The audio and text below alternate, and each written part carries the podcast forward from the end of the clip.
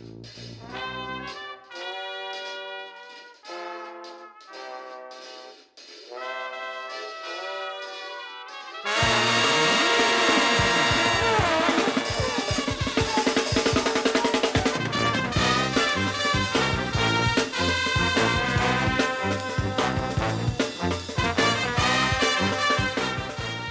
a chroeso i benod 74 o Ysbeidio Heilog gyda fi, Lee Jones a fi Llwyd Owen, lle byddwn ni'n rhoi sylw i'r pethau bach sy'n ei gwahaniaeth mawr i ni yn ystod y cyfnod hollol honco hwn.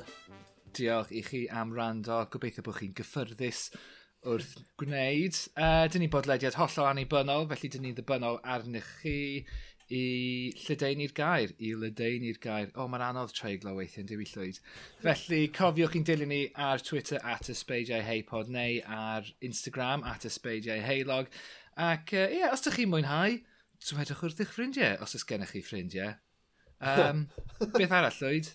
Um, Wel, os ydych chi eisiau rhoi cash i ni, um, neu prynu coffi, neu gallwch chi wneud hynny trwy um, Kofi, efe, Lee, a mae'r um, manylion i gyd. Co-fi.com, blaen slice o sbeidiau heilog. Yeah. Oh, dyna ni. Mae'r manylion i gyd ar y socials.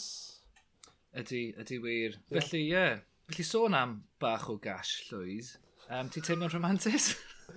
Wel, um, mae'n ddydd Satis Dwynwen, ag i?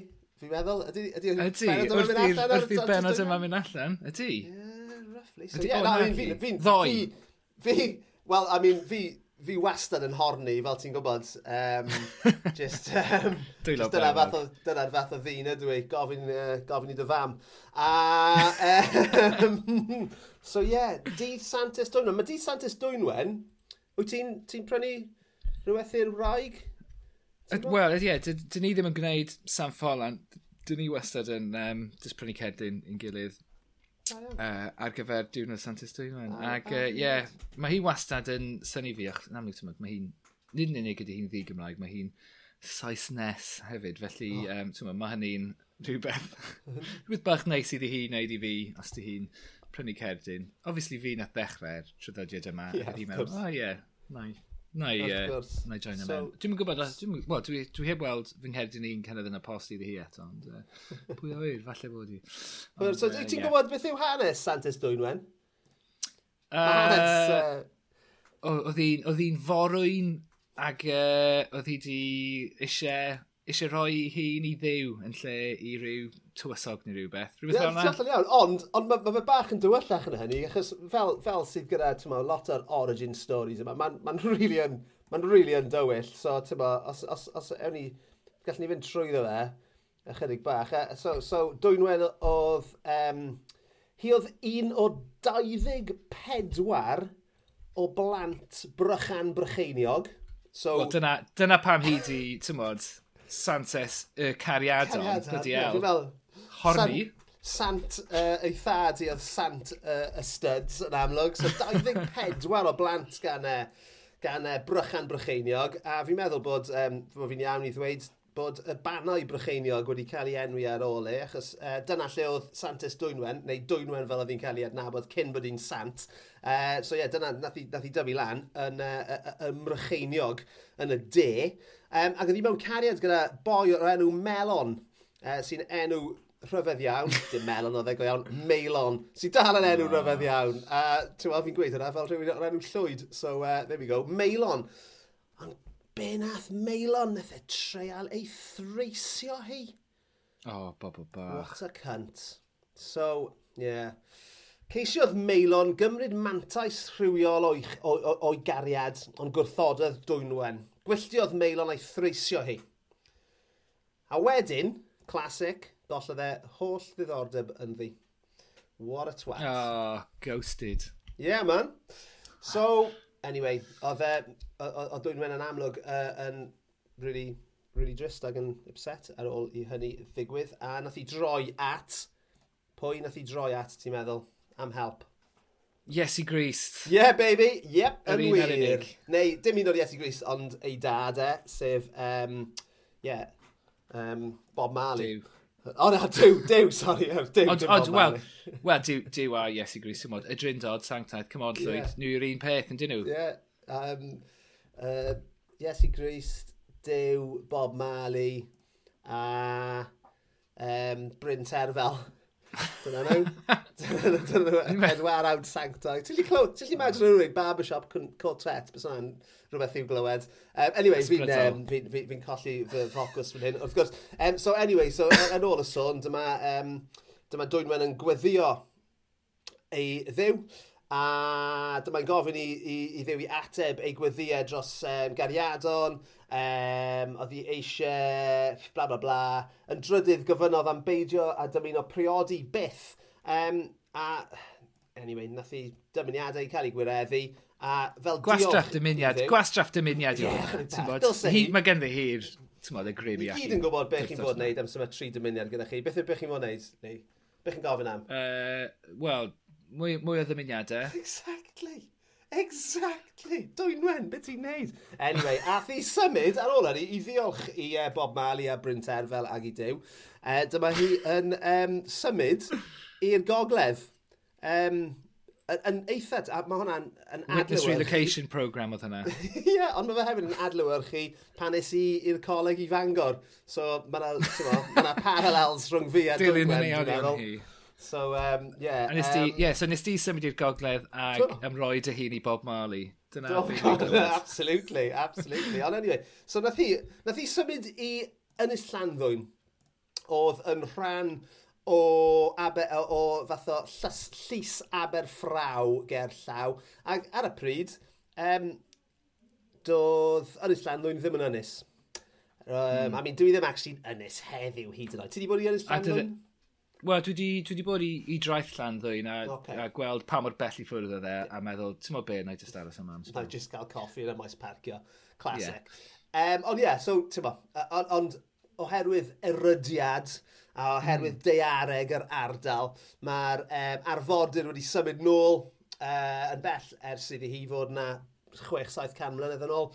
Um, so nath hi sefydlu uh, eglwys yna, A. Yeah, achos ma, achos mae mor bell, mae mor bell o'n maes parcio, felly oedd rhaid i fi adeiladu'r eglwys yna. Yn Yeah. y fan ar lle. Absolutely, a so fi ddim, fi ddim eisiau mynd nôl i'r maes parcio.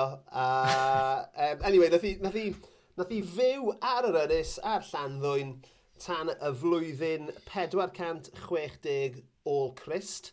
Um, a dyna pryd fi oedd hi farw. So, ie. Yeah. Ond dyma hi. Wel, hi, na hyfryd. Hi, ti'n mo, hi yw ein, uh, ein, ein nawdd sant rhem cnychu. So, o'n i'n meddwl bod hwnna yn gyfle da i ni siarad am um, colli virginity ni. Iawn, oce, okay, ti'n gynta. Traf y segwe yna, traf y segwe yna, fi'n siŵr. Fi'n siŵr. Os oes gen ti, ti'n modd, y fath, um, y fath o kind of smooth moves a hynny wrth, oh. uh, wrth bod grefftio, dwi'n dwi eisiau clywed y smooth moves well, gen y ti be? Be fi'n neud, be fi, be fi neud, a nes i ddim neud o'n amser nes i, nes i golli fy virginity, ond be fi'n neud dyddiau yma, a mae hwn yn top tip i unrhyw un sy'n gwrando, yw wrth gwrs i rhoi album cynta Sade arno um, yn y cefndir, bob tro wrth gwrs. Um, a, wel, I mean, rhwngddo chi a fi, pidwch gweithio neb, ond uh, anamal iawn ydw i'n mynd tu hwnt i'r gan gyntaf. A ti'n gwybod be? A dyna pam mae fy mhrioda si mor hapus. Um, ond, anyway, so, nôl at, uh, at yn uh, ymhrofiad cyntaf. So, o'n i'n gwylio train spotting dyn nhw'n y blaen. Oedd e ar y teledu wrth yn A nes i wylio train spotting. Ni heb gweld i'r sblynydde. O'n i wedi anghofio pa mor, pa mor wych yn ffilm. Ond uh, mae yna ma, un gyfres o olygfeidd lle mae Renton um, yn, yn, yn, yn, um, yn, yn ffwrcho. Mae Spud yn treol ffwrcho. Um, a mae Tommy yn treol ffwrcho.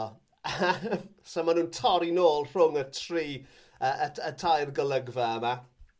A uchafbwynt o'r olygfa yw Archie Gemmill yn sgorio gol i'r Alban yn erbyn yr iseldiroedd yn y cwpan y byd achos mae Renton wedi swapio um, tap fideo sex tape Tommy o'i gariad am y tap o Archie Gemmell. So mae hwnna'n rhan o fe. Ac nath hwnna'n neud i fi gofio fy, y tro cynta i, i fi um, ddod yn llawer rhy gyflym um, yn fy mywyd i.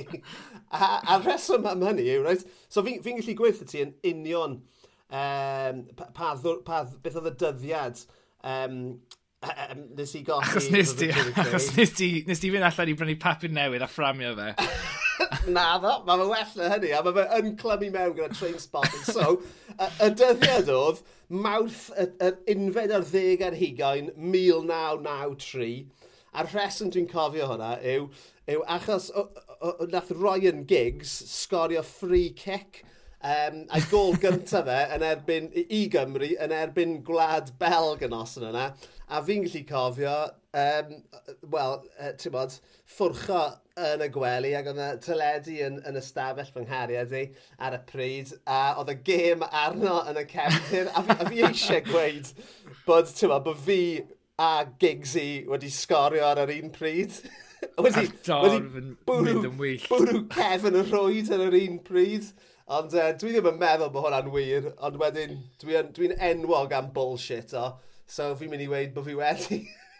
Digon o gymryd i e, ar y foment e, uh, holl bwysig, dwi'n yeah, siŵr. Y foment fydd gofiadwy hynny. So ie, yeah, 31 Mawrth 1993, fi a Giggsy, Losing Our Cherries gyda'n gilydd.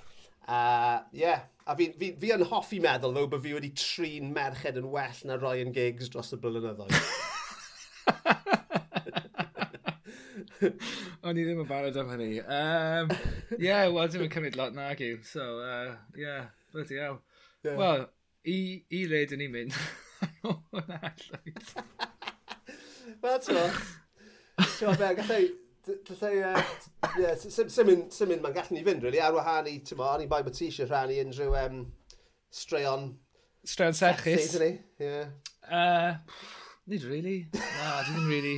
ti, ti, ti, honestly. Dwi dal i aros. ti ti, e, so mae gen ti un, un ferch yn does, so that's an immaculate conception. Yeah. wel yeah. dyna beth mae hi'n dweud wrth y fi, ta beth. Um, Merch Bob Marley. So, yeah. yeah. Ie, yeah, ah, yeah, mae gen i'r un gwall, actually. Oes. Um, na, ti'n gwybod beth, dwi ddim, dwi ddim really un, un fawr am, am Kiss and Tell. Uh, na, na chwaith ydw i yn un sydd gyda'r er fath o um, stori sy'n gallu cystadlu gyda D&D. I fod yn teg, felly dwi ddim yn mynd i bod rhan llwyth. Ti'n gwybod okay. be, gwaith cadref, gwaith cadref. Mynd, mynd a uh, gweithio allan anecdote rhywiol. Be ni eisiau, right? So, so, so be ni eisiau yw... Um, yeah, um, blwyddyn nesa ar Santis Dwyn, a dwi'n Santis Dwyn, mae'n eisiau stori oedd Lee. Ti eisiau stori, stori gen i? O oh, iawn, okay, so mae gen i flwyddyn i baratoi. Okay. Yeah, gen ti flwyddyn. Mae gen i flwyddyn i, i gasglu profiadau. Mae gen ti flwyddyn i golli dy virginity. so anyway, dydd Santes Dwynwen hapus i'r holl gariadon allan yna. A, yeah, A'r Singletons hefyd. Dwi'n gwerthu cardiau hefyd. O, wel, nadolig llawyn i chi, achos bloody hell. Da yeah, iawn. 350 am garden, basically. Na mynd i'n talu. Beth yw'r going rate am y gardiau Santes Dwynwen yn, yn, yn Newcastle? Wel, mae'n rhaid, ti'n modd, Etsy yn dyfe, ti'n modd, mae'n rhaid i ti cael nhw ar Etsy, so ti'n talu dwy bint yn ychwanegol i cael nhw trwy'r post. Oh, mit. I mean, ti'n modd, na i ti, na beth yw cariad pyr yn dyfa. E? Dyna beth yw cariad pyr. Prynu carden ar y we. Da iawn. yeah. So, well, sim, man... Dim siopa Gymraeg mae'n agos. Na, fi'n gwybod, fi'n gwybod. Come on. Um, so, dyna ni. Dyna, dyna rhywbeth sy'n neud fi'n fi, fi hapus. Anyway, ni wedi cael na allan o'r ffordd y barod, ond uh, ni fan hyn i siarad am y pethau bach sydd yn uh, gwneud gwahaniaeth mawr i ni, Lisa's Jones. So, um, wyt ti'n gallu datgelu wrtho i, ach ti heb gweithio fi eto, a hefyd wrth yn gwrandawyr, beth sydd yn rhoi gwen ar dywyneb di yr wythnos yma? Wel, Llwyd, y, y reswm dwi heb ddweud wrth ti, achos mae'n eitha...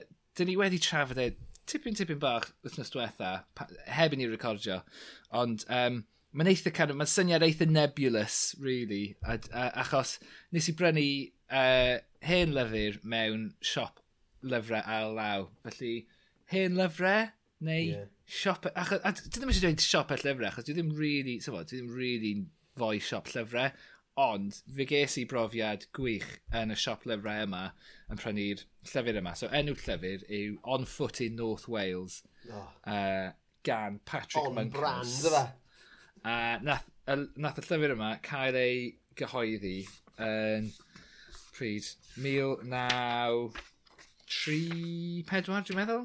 So, ti'n mae'r llyfr yma'n bron iawn i, i fod yn ganrif o oed sydd yn... Ydy mental. A mae mewn cyflwr mor, mor dda. Yn amlwg, mae rhywun wedi... Mae pobl wedi prynu hwn yn rhoi ar sylf. a wedyn dyna gyd sydd wedi digwydd a mae wedi cael ei ailwerthu ambell waith hefyd.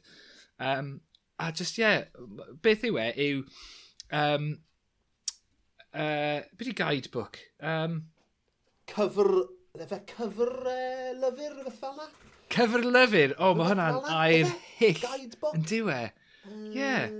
Cyfeir, cyfeir, cyfeir lyfr. Cyfeir lyfr, ie, yeah, falle rhywbeth yeah. fel yna. Yeah. Felly mae hwn, ma hwn yn gyfeir lyfr i chi uh, gerdded ar draws Gogledd Cymru, fel mae'r enw yn crybwyll on foot in North Wales. Uh, ac um, mae ma jyst yn beth hyfryd, y ffordd mae'r awdur yma yn ysgrifennu am, am Ogledd Cymru ac am y tirwedd. Ac o'n i yn gyntaf nes i just mynd yn syth at uh, y benod am uh, Bryniau Clwyd, achos yn amlwg dyna fy milltir sgwar i. A mae'n sôn am cerdded o uh, orsaf tren Tryffynon i fyny i'r dref. Felly mae hwnna, ma hwnna fyny mynydd go serth. Yeah. A mae fe tu a rhyw milltir a hanner neu dwy filltir.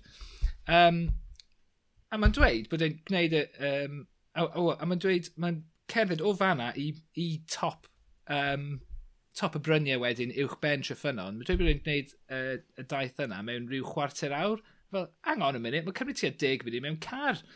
So, so mae yna hmm. rhyw fath o kind of magical fatha bullshit yn hwn, sydd yn, sydd yn eitha good actually, achos os wyt ti'n gwybod y tirwedd, a, a, a, a dych chi'n gyfarwydd gyda'r tirwedd, dych chi'n gweld, o oh, right, okay, felly mae fe'n dweud clwydd y bach yma, e, just er mwyn mynegu rhyw syniad o beth yw e, ac i, ac i kind of brysio trwy ac i, i ddweud y stori yma, a, a mae fel, ah, yeah, okay, felly mae fe yn gyfeir lyfr, a mae'n a mae yn sôn am bethau go iawn, ond mae yna kind of blurry lines lle mae'n trio rhamanteiddio'r peth rhywfaint sydd yn eitha diddorol, really. Um, yn ymwedig, tymod, wrth darllen am, am lefydd, dych chi'n gyfarwydd gyda nhw. Um, ac ie, yeah, just sôn am y pethau yma, fel, tymod, mae'n disgrifio um, Gogledd Cymru, ei, ei ddiffiniad e o Ogledd Cymru. Um, Lle mae'n dweud, what is North Wales? One could reach a definition by following the boundaries of administrative counties, but I take another, a more realistic way. If you're on the top of Snowdon or any of his neighbours, so long as you are high enough, the foreground changes with every 50 yards you go, but the background does not. On any clear day, from any central viewpoint, there is a permanent background, a mountain rim which closes every prospect. It begins, if you begin in the east, with the Clwyd Range, visible as an undulating line over the Denby Moors, then perhaps a glimpse of the hills above Llangollen, then the Berwyn Ridge, then the Arrans and Cader Idris. And this rim runs from sea to sea, from north coast to the west, and everything within that rim is North Wales for the purpose of this book, and so much on the further side of this rim as is an integral part or buttress of the mountain wall. I just felt, god, mae hwnna just yn crynhoiad, just hyfryd. Mae fe mor... Byddi, byddi iawn. Mae'n ma farddoniaeth bron a bod, ond just disgrifiad, just disgrifiad syml o, o rhywbeth daearyddol, yeah. ond mae fe'n ma fe farddonol rhywsut. Yn union, felly, felly ie, yeah, mae'r llyfr yma, oh my god, dwi wedi just syrthi mewn cael. Ond dwi heb darllen gormod, achos uh, dwi'n mynd ar yngwyliau, dwi'n meddwl, ydw i eisiau cymryd y, y llyfr yma ar yngwyliau i Tenerife? Cwestiwn mawr, achos mae'n ma, ma eitha... O, oh, dwi ddim yn fregus, dwi ddim mewn cyflwr drwg, ond ydy e'n mynd i oroesi? Gallai ofyn cwestiwn. Okay. Ceisiw. Ti'n gallu stick yn y drwy'n yng nghanol y llyfr yna, mm. gweithio fi beth mae'n arogli fel. O, oh, ie. Yeah. Wel, dyma'r dyma, thing arall. Ti'n gwybod yn union beth mae'n arogli fel? O, oh, mae fe just... just mynd i flicio tudalenau, just heibio yn gwyneb i. E, just... O, oh, ie. Yeah. Ti'n gwybod yn union beth mae fe fel? A mae fe just... O, oh, mae'n hyfryd. Yn amlwg, oedd na, falle oedd na... Um, dust jacket. Dust jacket iddo fe yeah. hefyd. Ti'n gallu gweld achos um, y ffordd i weld, ond oh, mae fe just... Um, mae fe just yn beth hyfryd. Just gwrthrych, neis. A ti'n yeah, beth, dwi, dwi, dwi, ddim yn berson um, sydd yn...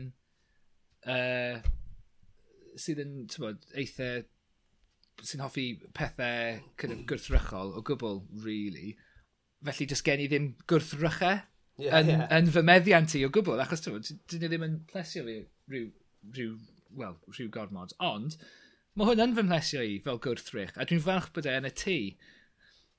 Um, a dwi'n gwybod... Mi, uh, ble brynes ti fe, cos oedd y siop brynes ti. O'n i'n textio ti pan o'n i yn y siop. Yn arbennig hefyd, right? O'n i'n, ie, yeah, o'n i'n textio ti. Felly, enw siop ma yw Barter Books.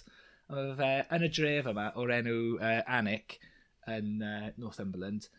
Ac, um, felly mae Anic yn hen, hen, uh, hen dref gyda castell a, ti'n modd, lot o dwristiaid yn mynd yna. Ac, uh, mae'r siop yma, uh, wel, mae fe'n ma fe siop lyfrau ail law annibynnol tu fewn i hen orsaf drenau. Yeah. A mae'r a ma, a ma'n llenwi'r orsaf dren. Mae fe'n mental faint o lyfrau sy'n yna. A dych chi'n cerdded mewn a mae'r uh, fel y ticket office yna. Um, a mae yna lle tân gyda tân glo yn mynd. A mae yna fel cadeiri esmwyth a um, sylff, sylffoedd llyfrau, just yna. Wedyn chi'n mynd mewn i'r concwrs, fel petai, mwy o lyfrau a'r sylffoedd, a mae yna track trenau um, fel, mod, fel model train set yn mynd o amgylch y top, rownd eich pen a chi. Ac, fel sushi restaurant sydd yn fatha delifro yeah, yeah, yeah. llyfrau. i chi. Bron a bod. A wedyn ydych chi'n mynd mewn wedyn i, i ble oedd y platformau, a wedyn just, mae hwnna just fel fel llyfrgell yn, mewn rhyw hen um, prifysgol, mae fe'n amazing, absolutely oh, amazing ydy. A mae yna caffi wrth yr ochr yna, phob dim, ti'n gallwn ni wedi treulio oriau yna. O, oh, diwrnod um, cyfan. Wel, yn union. Shop. Ac, um, yeah, ti'n mwyn, just, just sioman fers bod gen i ferch 4 mlynedd oed gen i. Dydy hi ddim really yn hoffi'r fath lefydd. Ddim yn impressed iawn gyda'r siop lyfrau. Na, na. Na, dim ond un siop debyg o ran y disgrifiad yna, gallai feddwl dwi byth wedi bod i. Um, mae yn, uh, yn, yn, y gellu gandryll. Dwi ddim yn gallu cofio beth yw enw hi, ond mae yna un siop yn, yn y gellu, yn Heion Wai, sydd, ti'n mo, fel ogof Aladdin o, mm. o siop. Um, mae hon dros tri llawr gwahanol ac yn llythrenol. Fel, fel ti wedi um, disgrifio fyna, mae yna ma lefydd i eistedd, i ddarllen os ych chi hmm. eisiau, mm. neu fel arall, mae jyst yn silffoedd ar ôl silffoedd o lyfrau ail law. A mae ar arogl mwyaf evocative amser ti'n cerdded drwy'r drws yna, yr, yr, yr, yr arogl hen llyfrau, y dwst. Um, Ie, yeah, mae yna rhywbeth rhamantoedd tu hwnt amdano fe. A mm ti'n modd, dwi'n... Dwi silffoedd i gam o gam a, ti'n modd, oh. just llyfrau sydd ddim yn cyd-fynd just ar y silffoedd i gyd, a just, ie, yeah, rhywbeth neis yn dwi'n A, e? mae fe yn. A, a does na ddim... Ti'n modd, does na ddim, ddim, ddim cymaint a hynny o siopau e, llyfrau ailaw o gwmpas really erbyn hyn am, am ryw reswm. Yeah. Um, fi'n gallu meddwl am cwpl yng Nghaerdydd.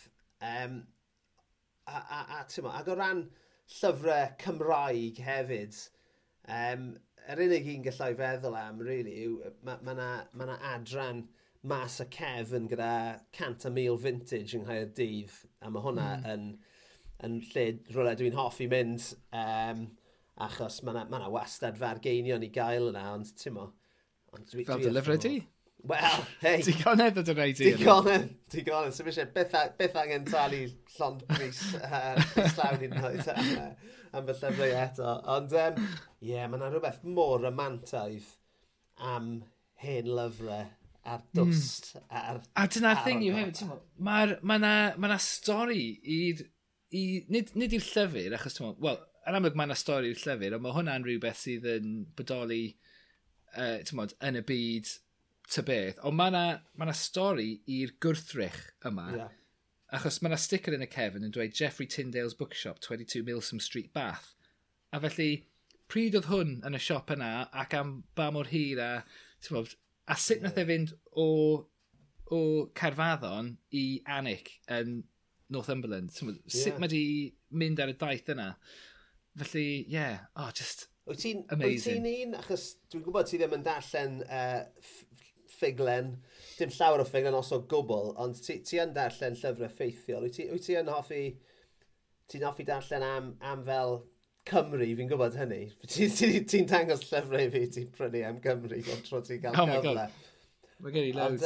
Ond yn clymu mewn gyda'r gyda, gyda llyfr yna, mae yna ma na, um, ma na awduron sydd yn ysgrifennu am fynydda ag yng Nghymru Mm. Dal, ti wedi clywed am boer o'r Jim Perrin? Uh, nid off top fy mhen. Mae gen i gyfrol um, yn rhywle sydd wedi casglu pobl yn ysgrifennu am fynyddoedd Cymru. Um, yeah. Fi'n siŵr bod Jim uh, Perrin... Oedd Jim Perrin amser o'n ni ar rhestr fer uh, llyfr y flwyddyn yn 2007, oedd Jim Perrin ar rhestr fer y llyfr y Saesneg.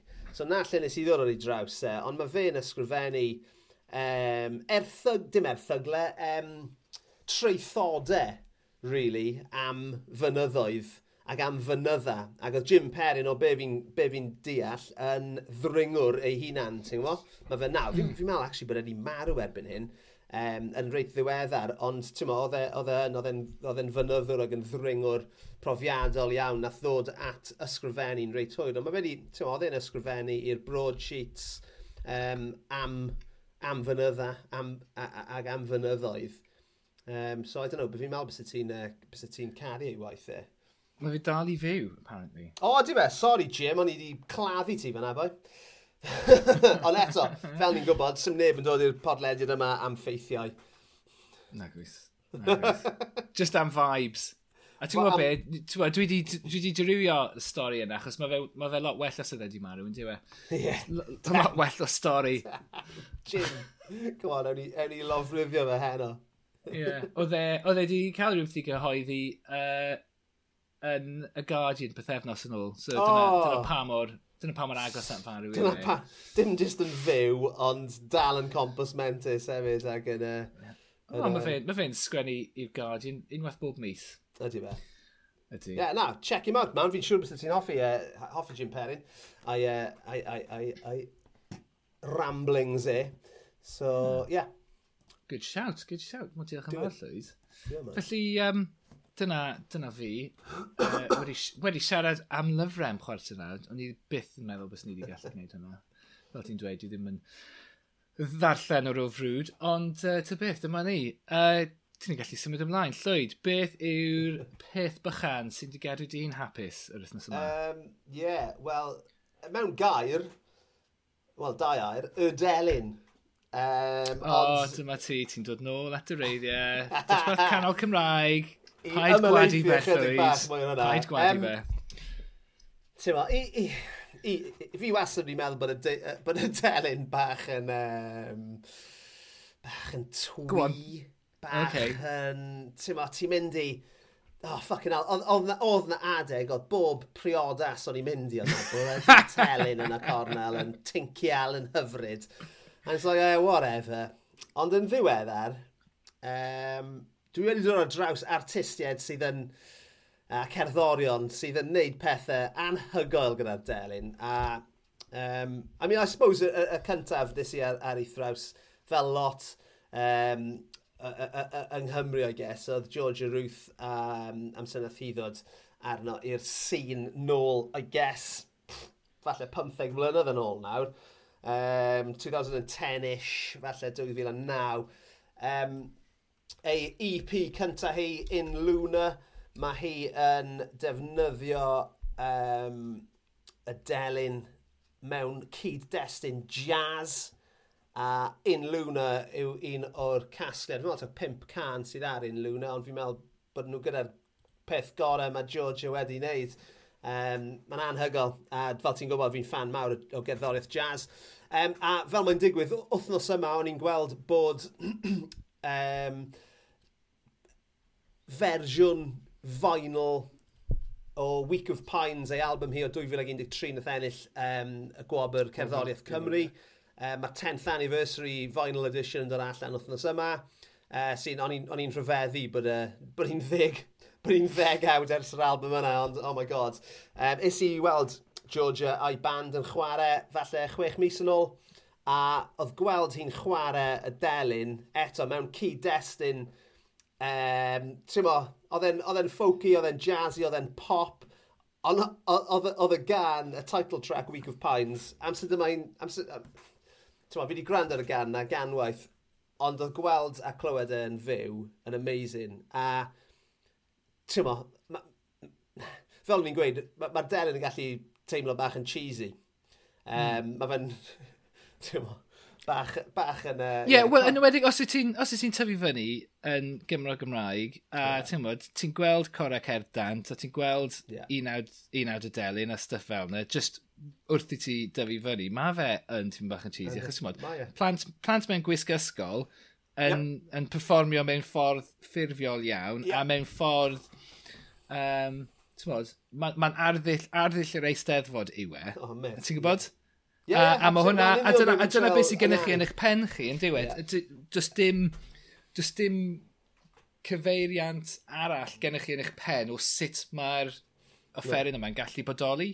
Felly, yeah. felly pan oh, yeah, chi yn, gweld e... Yn union. So oedd gweld, oedd gweld George o'i band, e- oedd e'n hydol man, ond ers hynny, Um, fi wedi dod, uh, fi, fi wedi bod yn gwrando ar Joanna Newsom, sydd uh, yn Delen Ores o California, um, sydd yn chwarae delyn um, mewn ffordd progresif iawn. Mae hi'n ysgrifennu cyneuon hir.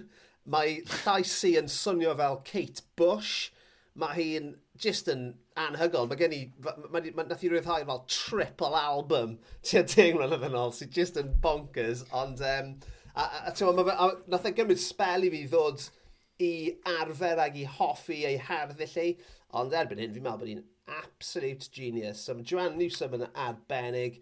Um, Ti eisiau, cyn i ti fynd ymlaen, ti'n gwybod pwy mae, gwybod Joanna Newsom yn briod i? Uh, Dafydd Iwan? Andy Samberg. No way! No fucking way! O, ers, ers tua deg mlynedd. No honestly, way, man. O'n i...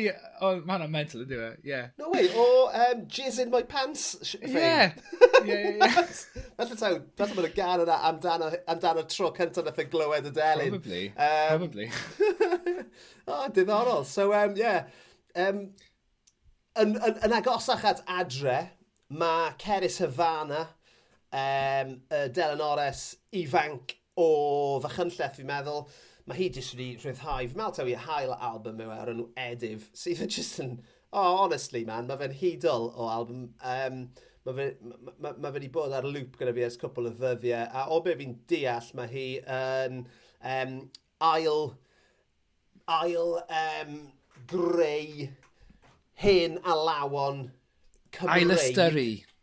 Ie, yeah, um, o be fi'n deall, mae hi, mae hi wedi cael mynediad i archifau y Llyfyrgell Cenedlaethol. Yn debyg i, i, i be... Ma, nath, nath Gareth Bonello hyn yeah. yn, yn, y gorffennol, lle mae wedi mynd i'r archifau a wedyn wedi ail um, uh, ddychmygu yr hen a lawon yma uh, mewn, mewn cyd-destun modern.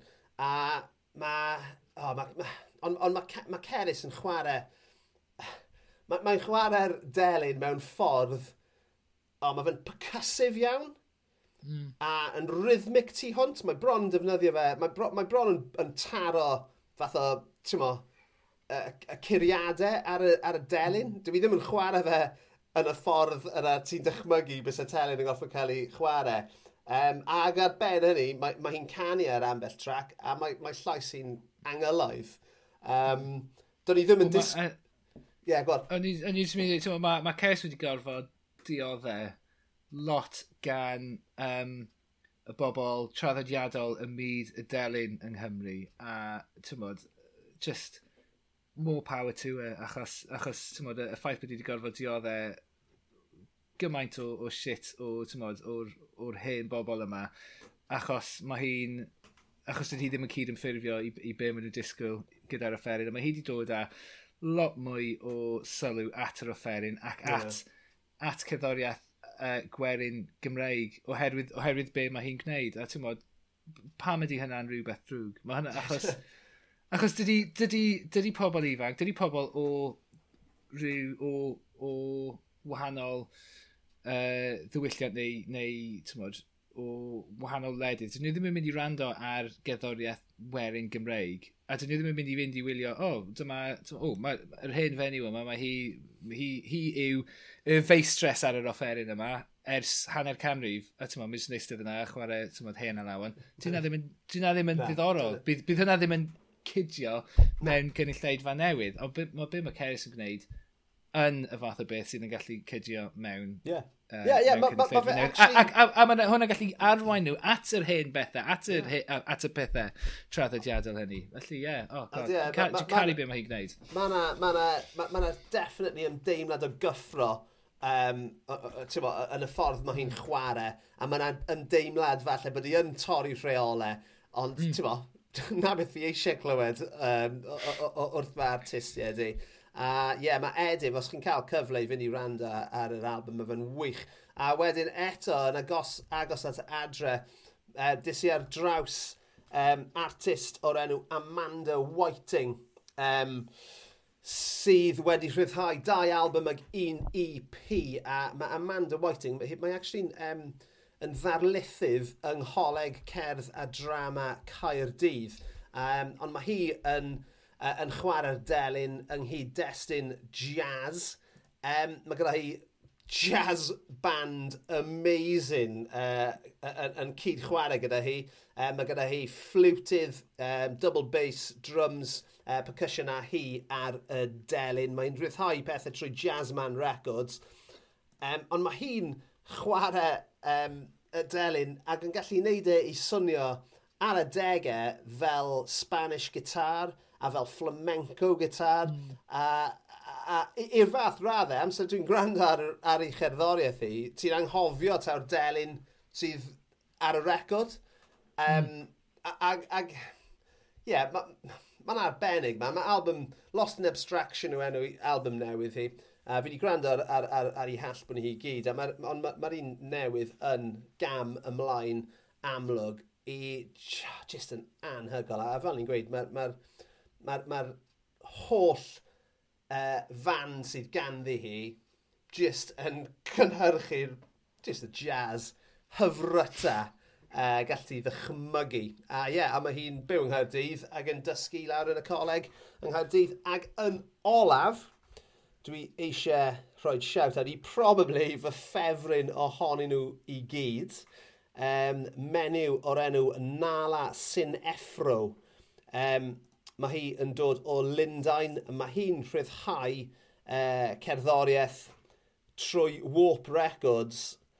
A, ie, yeah, man, mae hi yn cyfuno fel cerddoriaeth electronig eitha glitchy, eitha, timod, spas, like minimal techno, gyda um, hi ar, yr, ar, ar y delyn.